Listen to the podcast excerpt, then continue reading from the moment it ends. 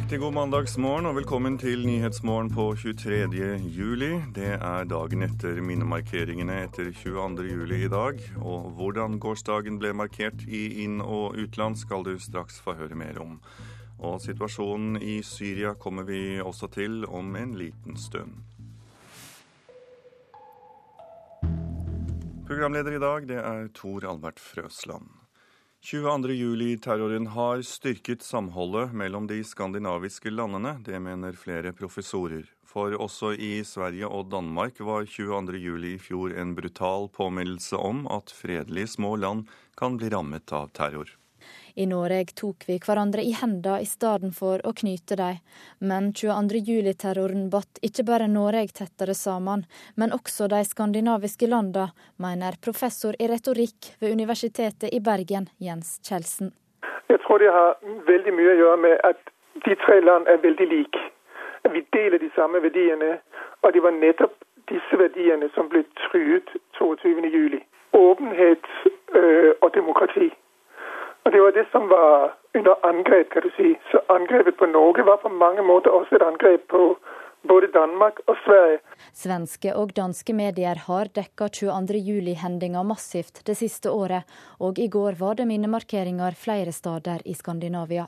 Etter minnegudstjenester i kronprinsesse Märthas kirke i Stockholm sa riksdagspresident Per Westerberg at han mener banda mellom det svenske og norske folk er blitt ytterligere styrka. Ja, det tror jeg uten tvekan. Samtidig som vi måtte lære oss av hva som har skjedd. Det handler jo om åpenhet. Og Danmark sin statsminister Helle Thorning-Smith viste si støtte da hun talte til unge AUF-ere på Utøya i går. I tiden etter Norges mørkeste dag, der tentes tusener av lys i Norge, i Danmark og i resten av verden. Og folk der måske slett ikke kjente hverandre, fant støtte og styrke i fellesskap. Professor Kjeldsen mener at svenskene og danskene fikk en brutal påminning 22.07 i fjor om at terroråtak kan skje også her i Skandinavia. For meg er det ingen tvil om at hendelsene i Norge har gjort både dansker og svensker oppmerksom på at uh, vårt rolige og fredelige samfunn kanskje ikke alltid er så rolig og fredelig. Helge Rønning, professor i medier og kommunikasjon ved Universitetet i Oslo, deler den samme oppfatninga. Han mener samholdet som har vokst fram i Skandinavia det siste året, styrker den nordiske modellen. Og Det igjen kan man kanskje på sikt eh, si kan ha noen politiske eh, funksjoner i forhold til en styrkelse av det nordiske. Reporter her, det var Eirin Årdal. Kommentator Knut Magnus Berge, velkommen i studio. Hvordan vil du oppsummere gårsdagen?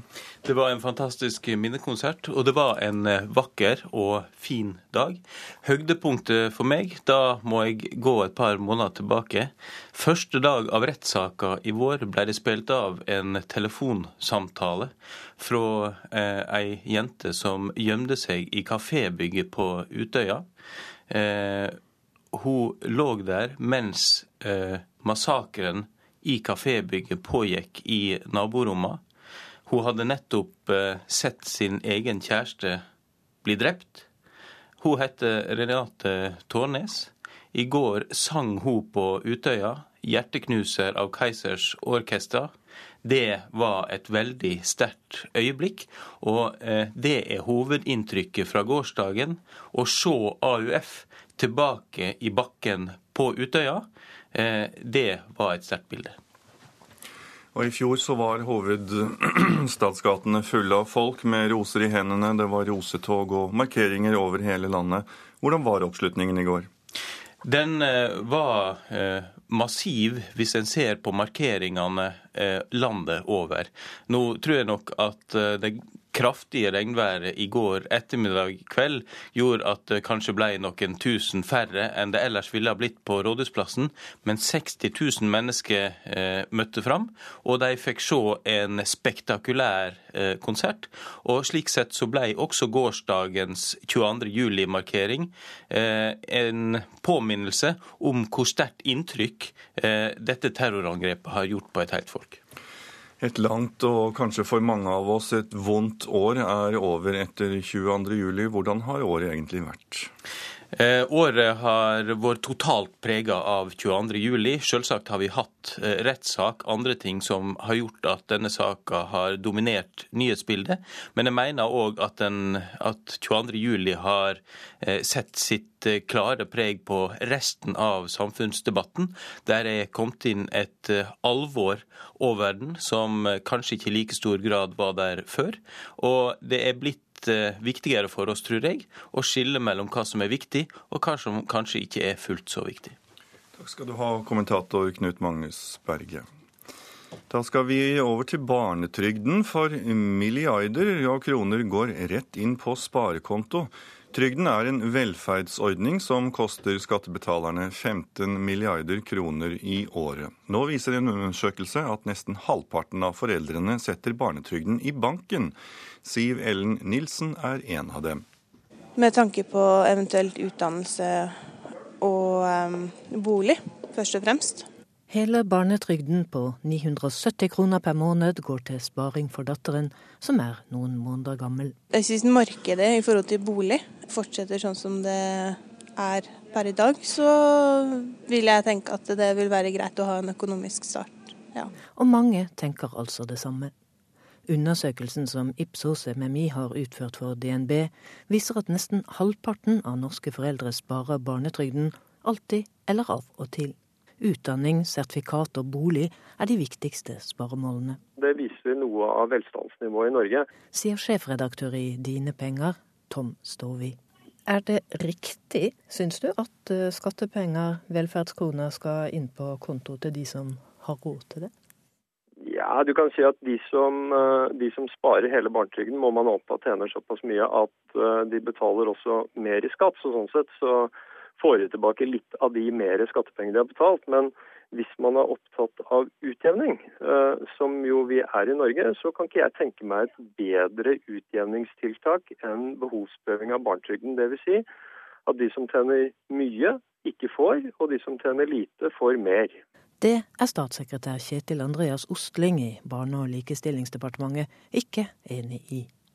Barnetrygden er en del av grunnfjellet i den norske velferdsmodellen, sier han. Hvis vi går inn på behovsprøving av eh, ett velferdsgode, så åpner vi selvfølgelig også i så fall eh, opp og legitimerer eh, behovsprøving av andre velferdsgoder. Det kan f.eks. være maksimalgrensen for foreldrebetaling i barnehage, blå resept, legebetaling til leger. Men det er et viktig prinsipp at vi har universelle ordninger som skal sikre både likhet og forutsigbarhet. Siv Ellen Nilsen sparer altså barnetrygd hver måned. Trenger hun den da, egentlig? Per i dag så har vi mulighet til å sette den av til sparing. Men man vet jo aldri med framtida. Det kan være at man eh, må bruke de pengene man allerede har satt av til ting barna trenger. Så man får se framover hvor mye man har råd til å sette av. Reporter var Katrin Hellesnes. Så da har jeg fått besøk i studio av samfunnsøkonom og førsteamanuensis ved Universitetet i Oslo, Hilde Boyer. Velkommen skal du være. Vi hører altså i reportasjen at eh, mange som mottar barnetrygden, setter den rett inn på konto for å spare eksempelvis til barnas kjøretimer eller til bolig når den tiden kommer. Virker da barnetrygden etter hensikten? Det at folk at den fører til at folk sparer mer, må jo glede så vel finansministeren som direktøren i Norges Bank. De klager jo stadig over at norske husholdninger sparer for lite. Hvis det at penger kommer inn under navnet barnetrygd gjør at folk sparer, så var det ikke det hovedhensikten, men det må jo være bra. Men eh, som vi hørte Tom Stovi, han ønsker å behovsprøve eller inntektsprøve barnetrygden. Og ikke gi eh, til de som tjener mye, og heller gi mer til de som tjener lite. Hva syns du om det? Den form for inntektsprøving har to ulemper. Mm -hmm.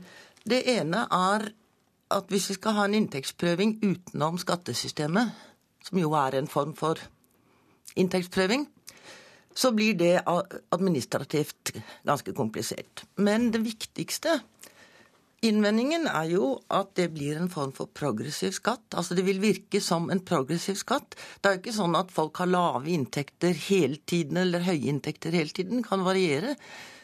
Hvis f.eks. en kvinne som jobber deltid, da begynner å jobbe lenger, så kan hun risikere å tape hele eller deler av barnetrygden. Og da blir det jo ikke lenger slik som mange vil, at det skal lønne seg å arbeide. Jeg vil legge til at denne, denne forstå-seg-på-eren nok ikke er klar over at 95% av barnetrygden i Norge utbetales til kvinner. Som, som gruppe har betydelig lavere inntekt enn det menn har. Ja, hvor treffsikker vil du da si at uh, barnetrygden er som tiltak mot uh, fattigdom blant barn? Fordelingsutvalget som ble oppnevnt av regjeringen, og som ga, ga ut innstilling for et par år siden, og som jeg var med i, viste at uh, økt barnetrygd vil først og fremst i kroner komme de laveste inntektene til gode. Et enda mer treffsikkert tiltak eh, viste vi også, det var å gjeninnføre det såkalte søskentillegget. Det er nemlig slik at svært mange fattige, av de fattige barnefamiliene er det dels fordi mor er hjemme, og dels fordi de har mange barn. Hvis vi gir høyere barnetrygd til tredje, fjerde, femte barn, så vil det treffe ganske godt. Får jeg lov å legge til én ting til? Og det er at Når vi snakker om treffsikkerhet av et velferdstiltak, så er det to feil en kan gjøre. Det ene er at det kommer til folk som ikke trenger det. Men det andre er at det ikke kommer fram til folk som faktisk trenger det. Og da er universelle ordninger den mest treffsikre ordningen vi har. Og universelle ordninger er den ordningen vi har i dag? Altså kronelikt til alle. Takk skal du ha, samfunnsøkonom og førsteamanuensis ved Universitetet i Oslo, Hilde Boyer. Du hører på Nyhetsmorgen i NRK P2 og Alltid nyheter. Klokken har blitt 18 minutter over sju, og dette er hovedsakene i nyhetene i dag.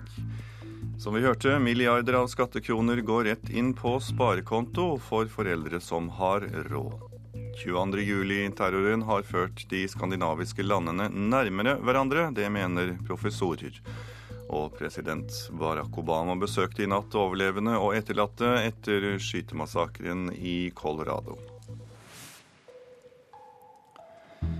Ja, Aurora, eller Aurora, i Colorado fikk altså i natt besøk av president Obama, for han besøkte overlevende og pårørende etter skytemassakren i byen. Obama ga uttrykk for en hel nasjons medfølelse med dem som ble rammet. Gjerningsmannen blir senere i dag fremstilt for varetektsfengsling. Det amerikanske folket, ja en hel verden, står sammen med dere i sorgen, sa president Barack Obama da han i natt møtte pårørende og overlevende på et av sykehusene i Aurora i Colorado. Presidenten lovet støtte i dagene som kommer, og forsikret alle at selv om gjerningsmannen nå får en masse oppmerksomhet, så vil dette feides ut, og det som vil stå tilbake, er de gode menneskene som ble rammet av tragedien. And in the end, after uh, he has felt uh, the full force of our justice system. What will be remembered are the good people uh, who were impacted by this tragedy. Hjemme i leiligheten til 24 år gamle James Holmes har politiet funnet hans datamaskin, som de håper kan kaste lys over motivet. En Batman-plakat og en Batman-maske skal også være blant beslagene. Senere i dag møter 24-åringen for første gang i retten. Påtalemyndigheten må ta stilling til om de skal fremme dødsstraff for James Holmes mens forsvarerne hans er ventet å reise spørsmålet om han var tilregnelig da massedrapet ble utført i den fullsatte kinosalen, og om det er mulig å føre en straffesak. Tolv mennesker ble drept, og 58 andre ble såret i skytemassakren. Jon Gelius, Washington. Og Fra USA skal vi til eh, situasjonen i Syria, for nå oppfordrer Den arabiske liga den syriske presidenten Bashar al-Assad til å gi fra seg makten. De arabiske landene vil be opposisjonen om å danne en nasjonal overgangsregjering. Det er viktig at president Assad går av raskt, sier Qatars statsminister Hamad al-Thani etter at møtet i Den arabiske liga ble avsluttet i natt. Presidenten bør ta den modige beslutningen om å gå av for å redde landet fra de intense kampene som nå raser mellom regjeringshæren og opprørsstyrkene, sier statsministeren i Qatar. Også nå i helgen har det vært harde kamper en rekke steder i Syria, og ifølge en syrisk menneskerettsorganisasjon ble over 120 mennesker drept bare i går. Den siste uken skal 1290 mennesker ha mistet livet i den syriske borgerkrigen, og tre firedeler av de drepte var sivile, melder organisasjonen som kaller seg Syrian Observatory for Human Rights. Det sa reporter Arnt Stefansen. Førsteamanuensis ved Høgskolen i Oslo, Lars Gule, velkommen til Nyhetsmorgen. Hvordan vurderer du den siste utviklingen i Syria? Vi ser at uh, den væpnede opposisjonen uh, blir bedre utstyrt og bedre organisert og koordinert. Det at de har lykkes å gjennomføre flere angrep på samme tid inne i Damaskus, det indikerer uh, en, en, større sofistikert organisering av denne væpnede opposisjonen. I det siste, så, eller til sammen nå, har altså over 24 generaler fra de væpnede styrker eh, desertert. Og en lang rekke av disse har sluttet seg til Den frie syriske armé, og bidrar nok med sin kompetanse til å styrke den væpnede opposisjonen. I tillegg må vi nok også tro at eh, nå øker våpenstrømmen, ressursene, pengene, fra utenlandske grupperinger og de statene som har sagt at de støtter opposisjonen, til eh, nettopp den væpnede opposisjonen. Og Hvilket handlingsrom gir dette eventuelt president eh, Bashar al-Assad? Ja, Det blir eh, stadig mindre. Men det har på mange måter vært lite lenge. Fordi alt dette snakket om overgangsregjering, vei mot demokrati osv. er ganske illusorisk. Eh, regimet vet at det vil tape i frie valg, det vil tape dersom opposisjonen eh, får noe de skulle ha sagt. Eh, og med de forbrytelser som syrerne nå mener at regimet har stått bak, ikke minst det siste året, så vet de at dette er kroken på døra. Det gjør at de slåss med ryggen mot eh, veggen.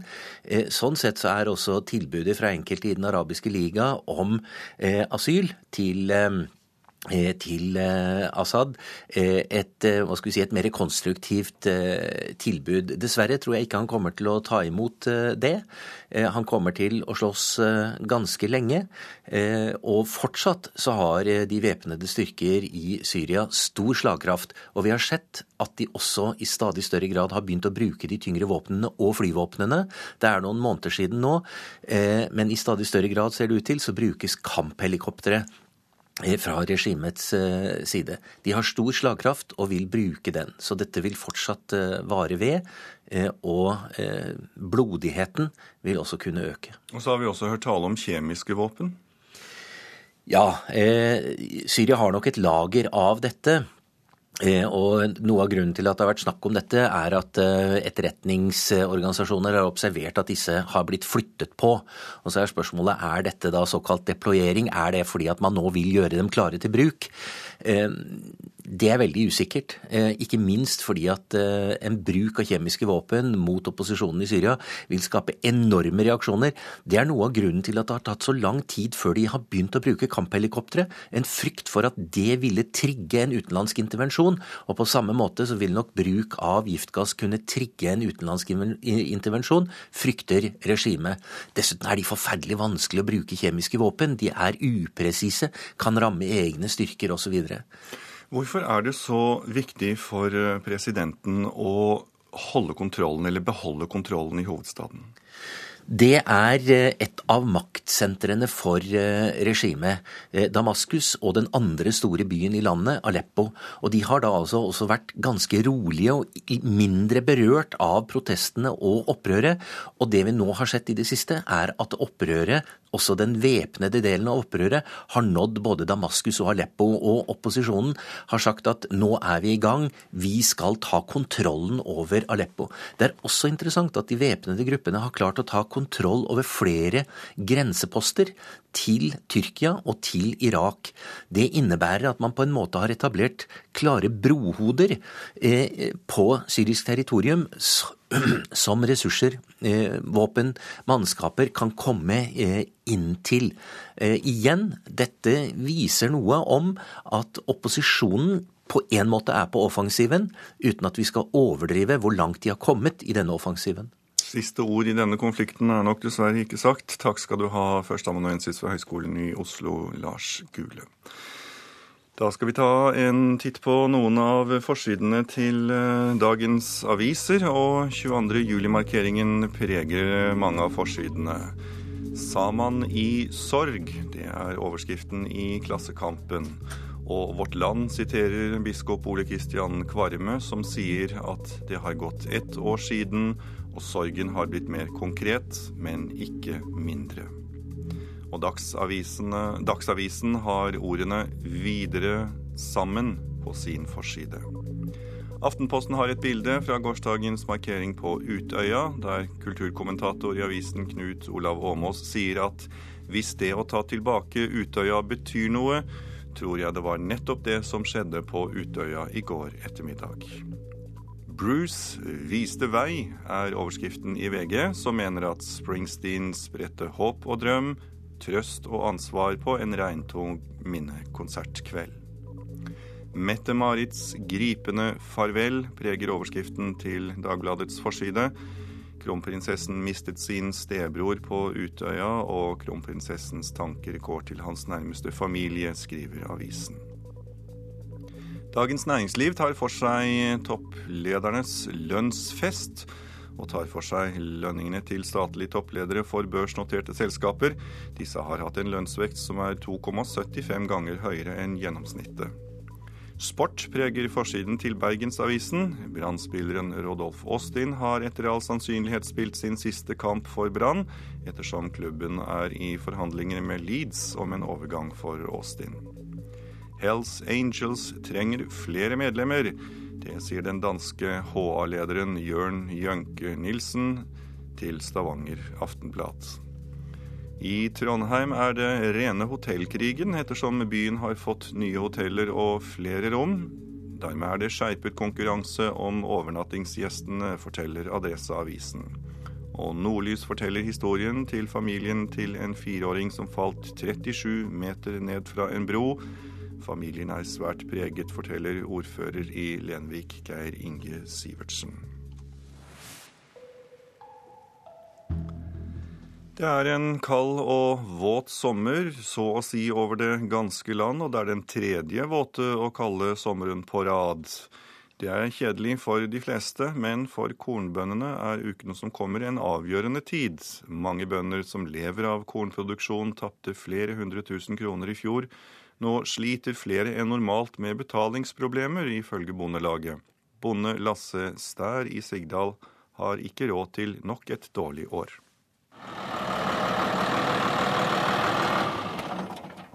Man merker en klump i magen nå. Han har det. At han er veldig spent på innhøstning og videre sommeren. Han er ikke noe god følelse nå. Får får ikke høsta arealene våre, så, og det bare blir møkkameir framover. Og så drukner vel mye annet. Lasse Stær er bonde på fulltid. Han dyrker korn på gårdens jorder i Sigdal, og leier også jord av andre. Etter to dårlige år er det flere enn normalt som sliter med å betale regningene for såkorn og gjødsel, sier bondelagsleder i Buskerud, Torunn Hovde. Jeg har fått uh, noen tilbakemeldinger på at uh, mange sliter med likviditeten, og mange med flere enn det som er uh, normalt. Der har det vært eh, kunder hos eh, Felleskjøpet som må gå inn på litt mer spesielle låneordninger for å holde huet over vann. Det er for tidlig å si hvordan avlingen vil bli til slutt, men det er nå det gjelder. Været må bli tørrere og varmere om man skal få høstet i slutten av august. Særlig bygg er hardt rammet. Reporter var Siv Slevingen. Og her i Nyhetsmorgen skal vi til OL-byen London, for på fredag braker det løs. Og sju års planlegging til tross, byen er ute i siste liten med en del av forberedelsene. Den siste uken har soldater måttet steppe inn og ta over for tusenvis av private sikkerhetsvakter som rett og slett manglet. Korrespondent Gry Blekastad Almås har tatt pulsen på OL-byen London.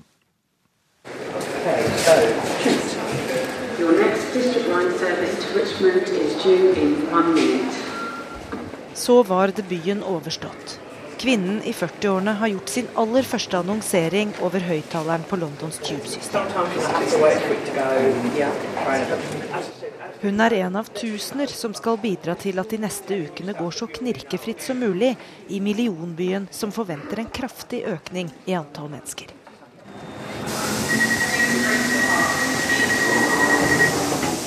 Og tar man tuben en helt vanlig dag i London, vet man at det i utgangspunktet er trangt om plassen.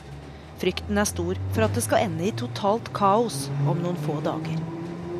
I think traffic-wise, it's uh, hellish. Uh, the only worry or concern would be the the busyness because it'll be trickier for people who live in London to get around, but that'll just add to the excitement. If you live and work in London, you're used to chaos anyway.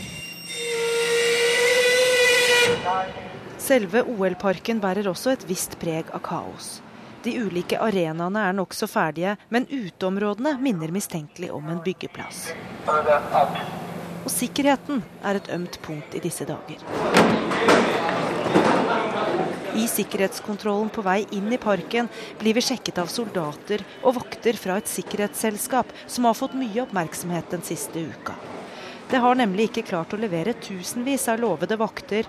Dermed har soldater og politi blitt satt inn i siste liten for å ivareta viktige sikkerhetsfunksjoner. The, the lack of training also is, is something that should be a great concern. There's going to be huge amounts of people passing into the Olympics.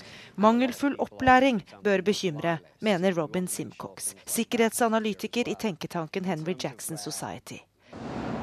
Noen få steinkast fra OL-parken på østkanten av London er det stor aktivitet i et slitent lagerlokale. Stemningen er høy. Jobben går ut på å fjerne gamle dekk. Også det er pga. OL, forteller Mark Weiss. Because of the fire hazard, we've got to get them sorted before the Olympics start. So that's what we're trying to do. So this is to make sure that this place is safe for the Safe for Olympics? the Olympics, yeah, yeah. Selv gleder han seg til selve idrettsfesten er i gang. I just enjoy the sports. I think I like everything about it. It's great. What do you think it does to this area and to London? You know, it's lifted the area. It looks fine to me. Yeah. Do you think it will have any long-term consequence for Britain? Speaking to people around here, they don't seem to think it'll make a lot of difference. So what, uh, what do you hope for? Oh, us to win a few medals, that's what I hope for.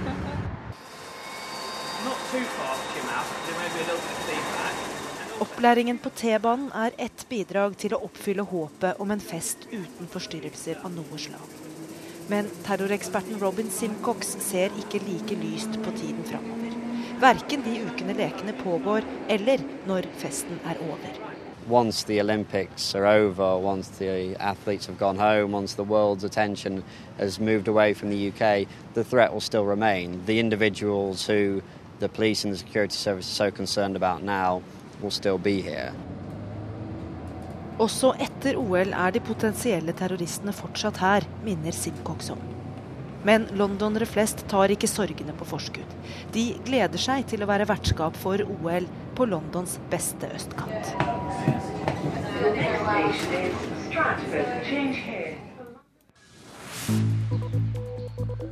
Klokken den har passert 7.44. Du hører på Nyhetsmorgen i NRK P2 og Alltid nyheter, og dette er hovedsakene våre. Milliarder av skattekroner går rett inn på sparekonto, for foreldre som har råd, sparer barnetrygden. Nærmere 60 000 møtte opp på Rådhusplassen i Oslo for å delta i den nasjonale minnemarkeringen i går. Og annenhver innbygger i tettstedene som vokser raskt, pendler ut av kommunen for å jobbe. Da skal det handle om eh, barnebidragene her i Nyhetsmorgen, for halvparten av norske barnebidrag blir satt inn på konto til sparing. Guri Melby i Venstre, velkommen i studio. Du sitter i Venstres sentralstyre og er leder av Venstres programkomité. Hvis man er opptatt av utjevning, så bør barnetrygden inntektsprøves, eller behovsprøves som det også heter. Det sa Tom Stovi i Dine penger tidligere i dag tidlig. Er det på tide å inntektsprøve barnetrygden nå? Ja, jeg mener at vi må se på hvordan vi kan klare å få barnetrygda litt mer målretta. Et viktig tall som du sier, er jo at veldig mange bruker det her til sparing. Det forteller meg to ting. Det forteller meg at norske foreldre er veldig ansvarlige, men det forteller meg også at det er mange som får barnetrygda som kanskje ikke trenger de disse pengene. Et annet viktig tall, tror jeg, det er at 75 000 barn vokser opp i det vi definerer som fattige familier i dag. Og jeg tror at de ville hatt godt av en økning i barnetrygda, mens en del familier kanskje kan få litt mindre. Så Venstre ønsker seg en ordning der barnetrygda fortsatt skal være universell til en viss grad, sånn at ikke du skal trenge å søke på den. Alle skal få, men du skal få Litt mer hvis du tjener lite, og litt mindre hvis du tjener mye. Første nestleder i familie- og kulturkomiteen eh, på Stortinget, Solveig Horne, du er fra Fremskrittspartiet. Hva ønsker Fremskrittspartiet med barnetrygden? Nei, Fremskrittspartiet mener det at barnetrygda er en universal eh, løsning eller ordning som vi ønsker å beholde for alle. Vi ønsker å øke barnetrygda, for det er en stor skam at i løpet av de siste 16 årene så har altså ikke barnetrygda vært økt i det hele tatt. Det er akkurat samme summen. Men, men Horne, trenger vi å øke barnetrygden når du hører at foreldre, flesteparten stort sett eh, ikke bruker den likevel, og setter den rett inn på konto? Ja, som alle andre ting i, i samfunnet øker og blir eh, kostnadsregulert, så blir ikke barnetrygda gjort det. Og det viser veldig, flere, veldig, mange forskningsrapporter nå det siste tida, at med å øke barnetrygda, eh, så vil du altså få bekjempelse av fattigdom blant barnefamilier, som er sterkt økende under denne regjeringen. Og jeg mener at den debatten som, som Venstre tar opp nå, på en måte blir, blir, feil i forhold til at vi har en regjering som har skapt mer fattigdom, og da må vi heller stå sammen om å klare oss å få øke barnetrygda. Ja, nå sitter jo ikke Venstre i regjering, da, men uh, Guri Melby, bør vi uh, øke barnetrygden? Um, jeg synes jo at Hvis vi nå mener at vi kan bruke mer penger både på barnefamilier og på satsing mot fattigdom, så vil jeg jo si at det å øke barnetrygda generelt er helt feil grep. Jeg har en lang liste med tiltak som jeg heller ville brukt penger på hvis det er fattigdom vi skal prøve å utrydde. F.eks. hjemkjøpsordning for boliger, minstenorm for sosialstøtte og en lang liste med andre tiltak som jeg tror vil treffe veldig mye bedre. Og jeg tror at en av de største truslene mot velferdsstaten i framtida kan være at vi lager oss en del sånne store universelle ordninger som skal nå ut til alle, men så ser vi at de som trenger det aller mest, ikke nyter like godt av det som de egentlig kunne ha gjort. Eh, så jeg tror at hvis vi skal nå øke den totale summen vi bruker på barnetrygd, i dag bruker vi ca. 15 milliarder, så vil det være bortkasta penger. Jeg vil heller ja. bruke penger på målretta ordninger. Og vi ja, har men også, har du ikke fulgt med i debatten også, de siste jo, månedene. Vi har også det er flere økt, forskere sier det at det som er viktig nå, er faktisk å få økt barnetrygda. For det, at det vil hjelpe småbarnsfamiliene. Og med en behovsprøving så er Fremskrittspartiet redde for at det gir bare mer byråkrati og mer juksing.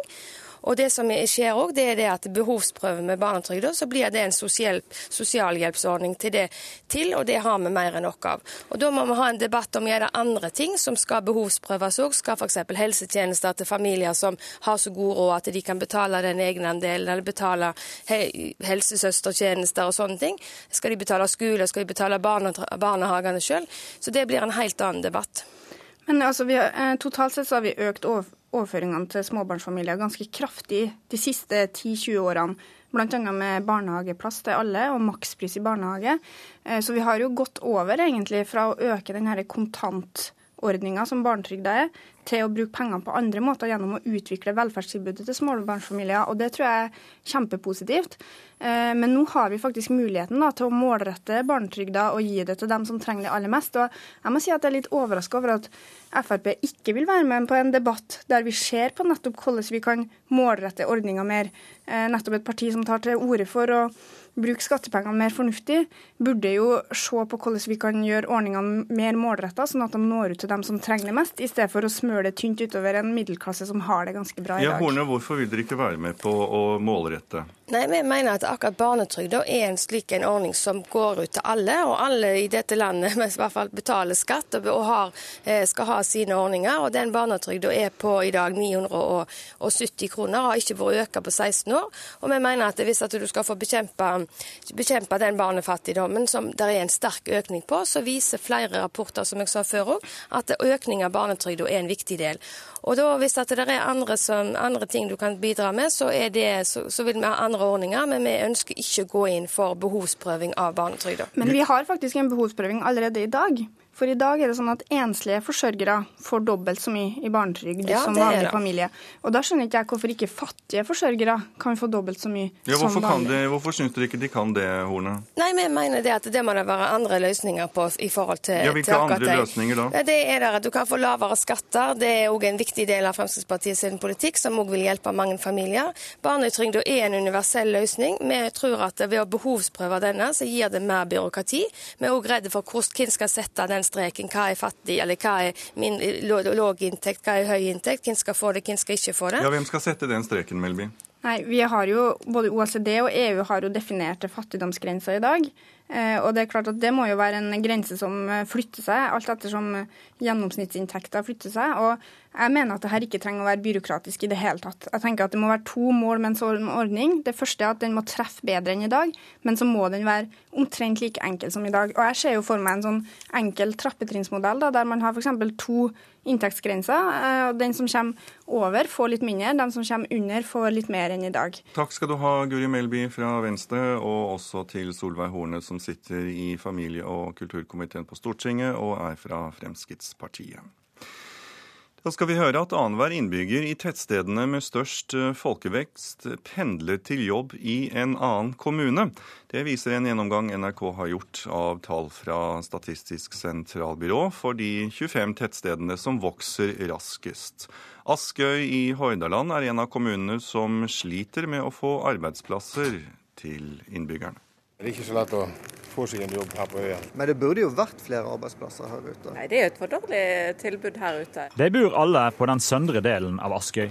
Bygdene sør i øykommunen vest for Bergen har vokst sammen, og er ifølge Statistisk sentralbyrå en av de raskest veksende tettstedene i landet. Nå er jeg av de som kjører til byen. Men annenhver innbygger i Askøy kommune gjør som Natalie Akermo, og pendler ut fra vekstkommunen hver dag på vei til jobb.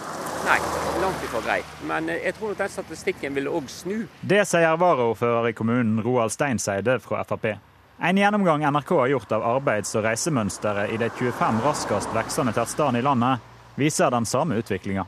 Annenhver innbygger reiser ut av kommunen for å jobbe. I gjennomsnittskommunen gjør under tre av ti det samme.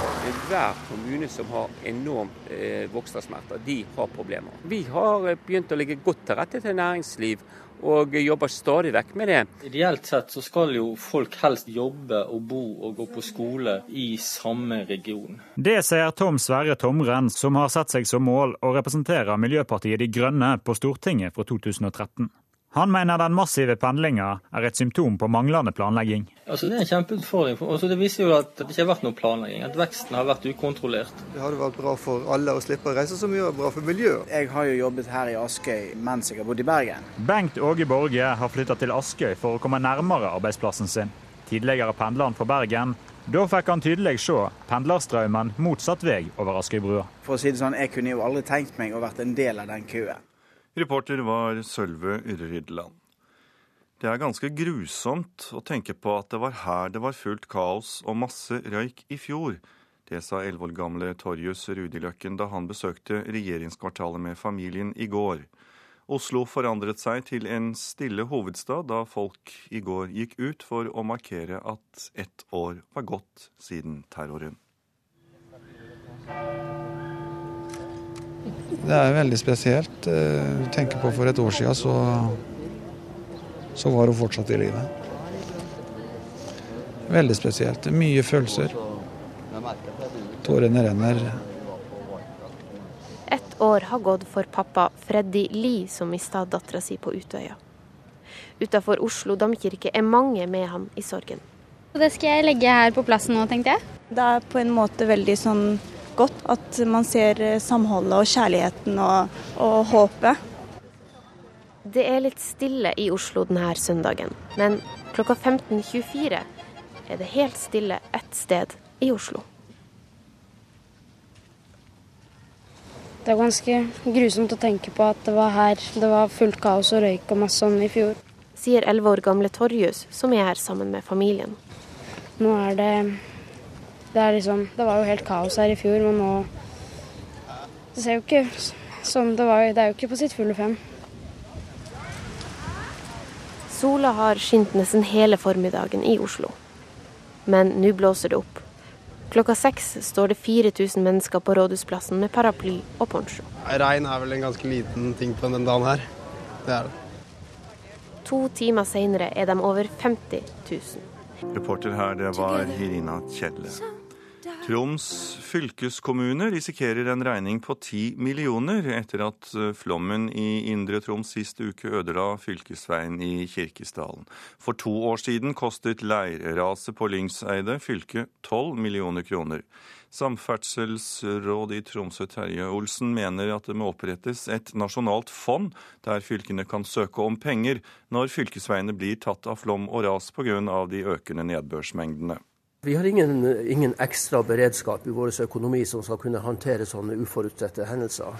Så vi er jo nødt til eh, å, å, se på hvordan kan vi omdisponere innenfor egen ramme. Det er jo drift og vedlikehold og investering som er, er de midlene vi har til disposisjon. Så vi må jo vurdere skal vi redusere på drift og vedlikehold, eller skal vi forskyve på investeringsprosjekt. Da skal du få høre hvordan været blir i dag. Fjellet i Sør-Norge får sørvestlig liten kuling i høyfjellet. Enkelte regnbyger fra i ettermiddag stort sett oppholdsvær lengst nord.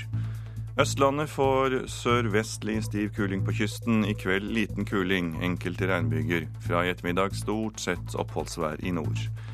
Telemark sørvestlig periodevis stiv kuling på kysten. Fra i ettermiddag liten kuling og regnbyger. Agder Sørvestlig stiv kuling på kysten. Fra i ettermiddag liten kuling. Regn, mest nedbør i Vest-Agder. Rogaland får regn, lokalt mye nedbør. I kveld minkende nedbørsaktivitet i nord. Hordaland får regnbyger og gløtt av sol. Sogn og Fjordane sørvest liten kuling, ved Stad sterk kuling. Regnbyger og gløtt av sol. Møre og Romsdal og Sør-Trøndelag Sørvest stiv kuling på kysten. Regnbyger. Fra i ettermiddag minkende bygevirksomhet og noe sol. Nord-Trøndelag sørvest stiv kuling på kysten. Skyet. Regnbyger. I kveld gløtt av sol. Nordland sørvestlig liten kuling utsatte steder. Periodevis stiv kuling på kysten. Regn, senere regnbyger. Troms til dels pent vær. I formiddag tilskyende og fra i ettermiddag regn. Kyst- og fjordstrøkene i Finnmark fra i ettermiddag sørvestlig liten kuling utsatte steder. Delvis skyet oppholdsvær, men i kveld tilskyende og litt regn. Finnmarksvidda får delvis skyet oppholdsvær, i ettermiddag tilskyende og i kveld spredt regn. Nordensjøland på Spitsbergen får skiftende bris, skyet og regn. Noen morgentemperaturer målt klokken sju. Svalbard lufthavn åtte grader. Kirkenes elleve. Vardø og Alta ti. Tromsø-Langnes ni. Bodø og Brønnøysund 12, Trondheim-Værnes 14, Molde 15, Bergen-Flesland 14, Stavanger og Kristiansand-Kjevik 15, Gardermoen 13, Lillehammer 11, Røros 9 og Blindern i Oslo hadde 14 grader. Ansvarlig for nyhetene denne morgenen, hun heter Anders Gårdseth. Produsent for Nyhetsmorgen, Ellen Borge Christoffersen. Teknisk ansvarlig Espen Hansen. Og i studio Tor Albert Frøsland.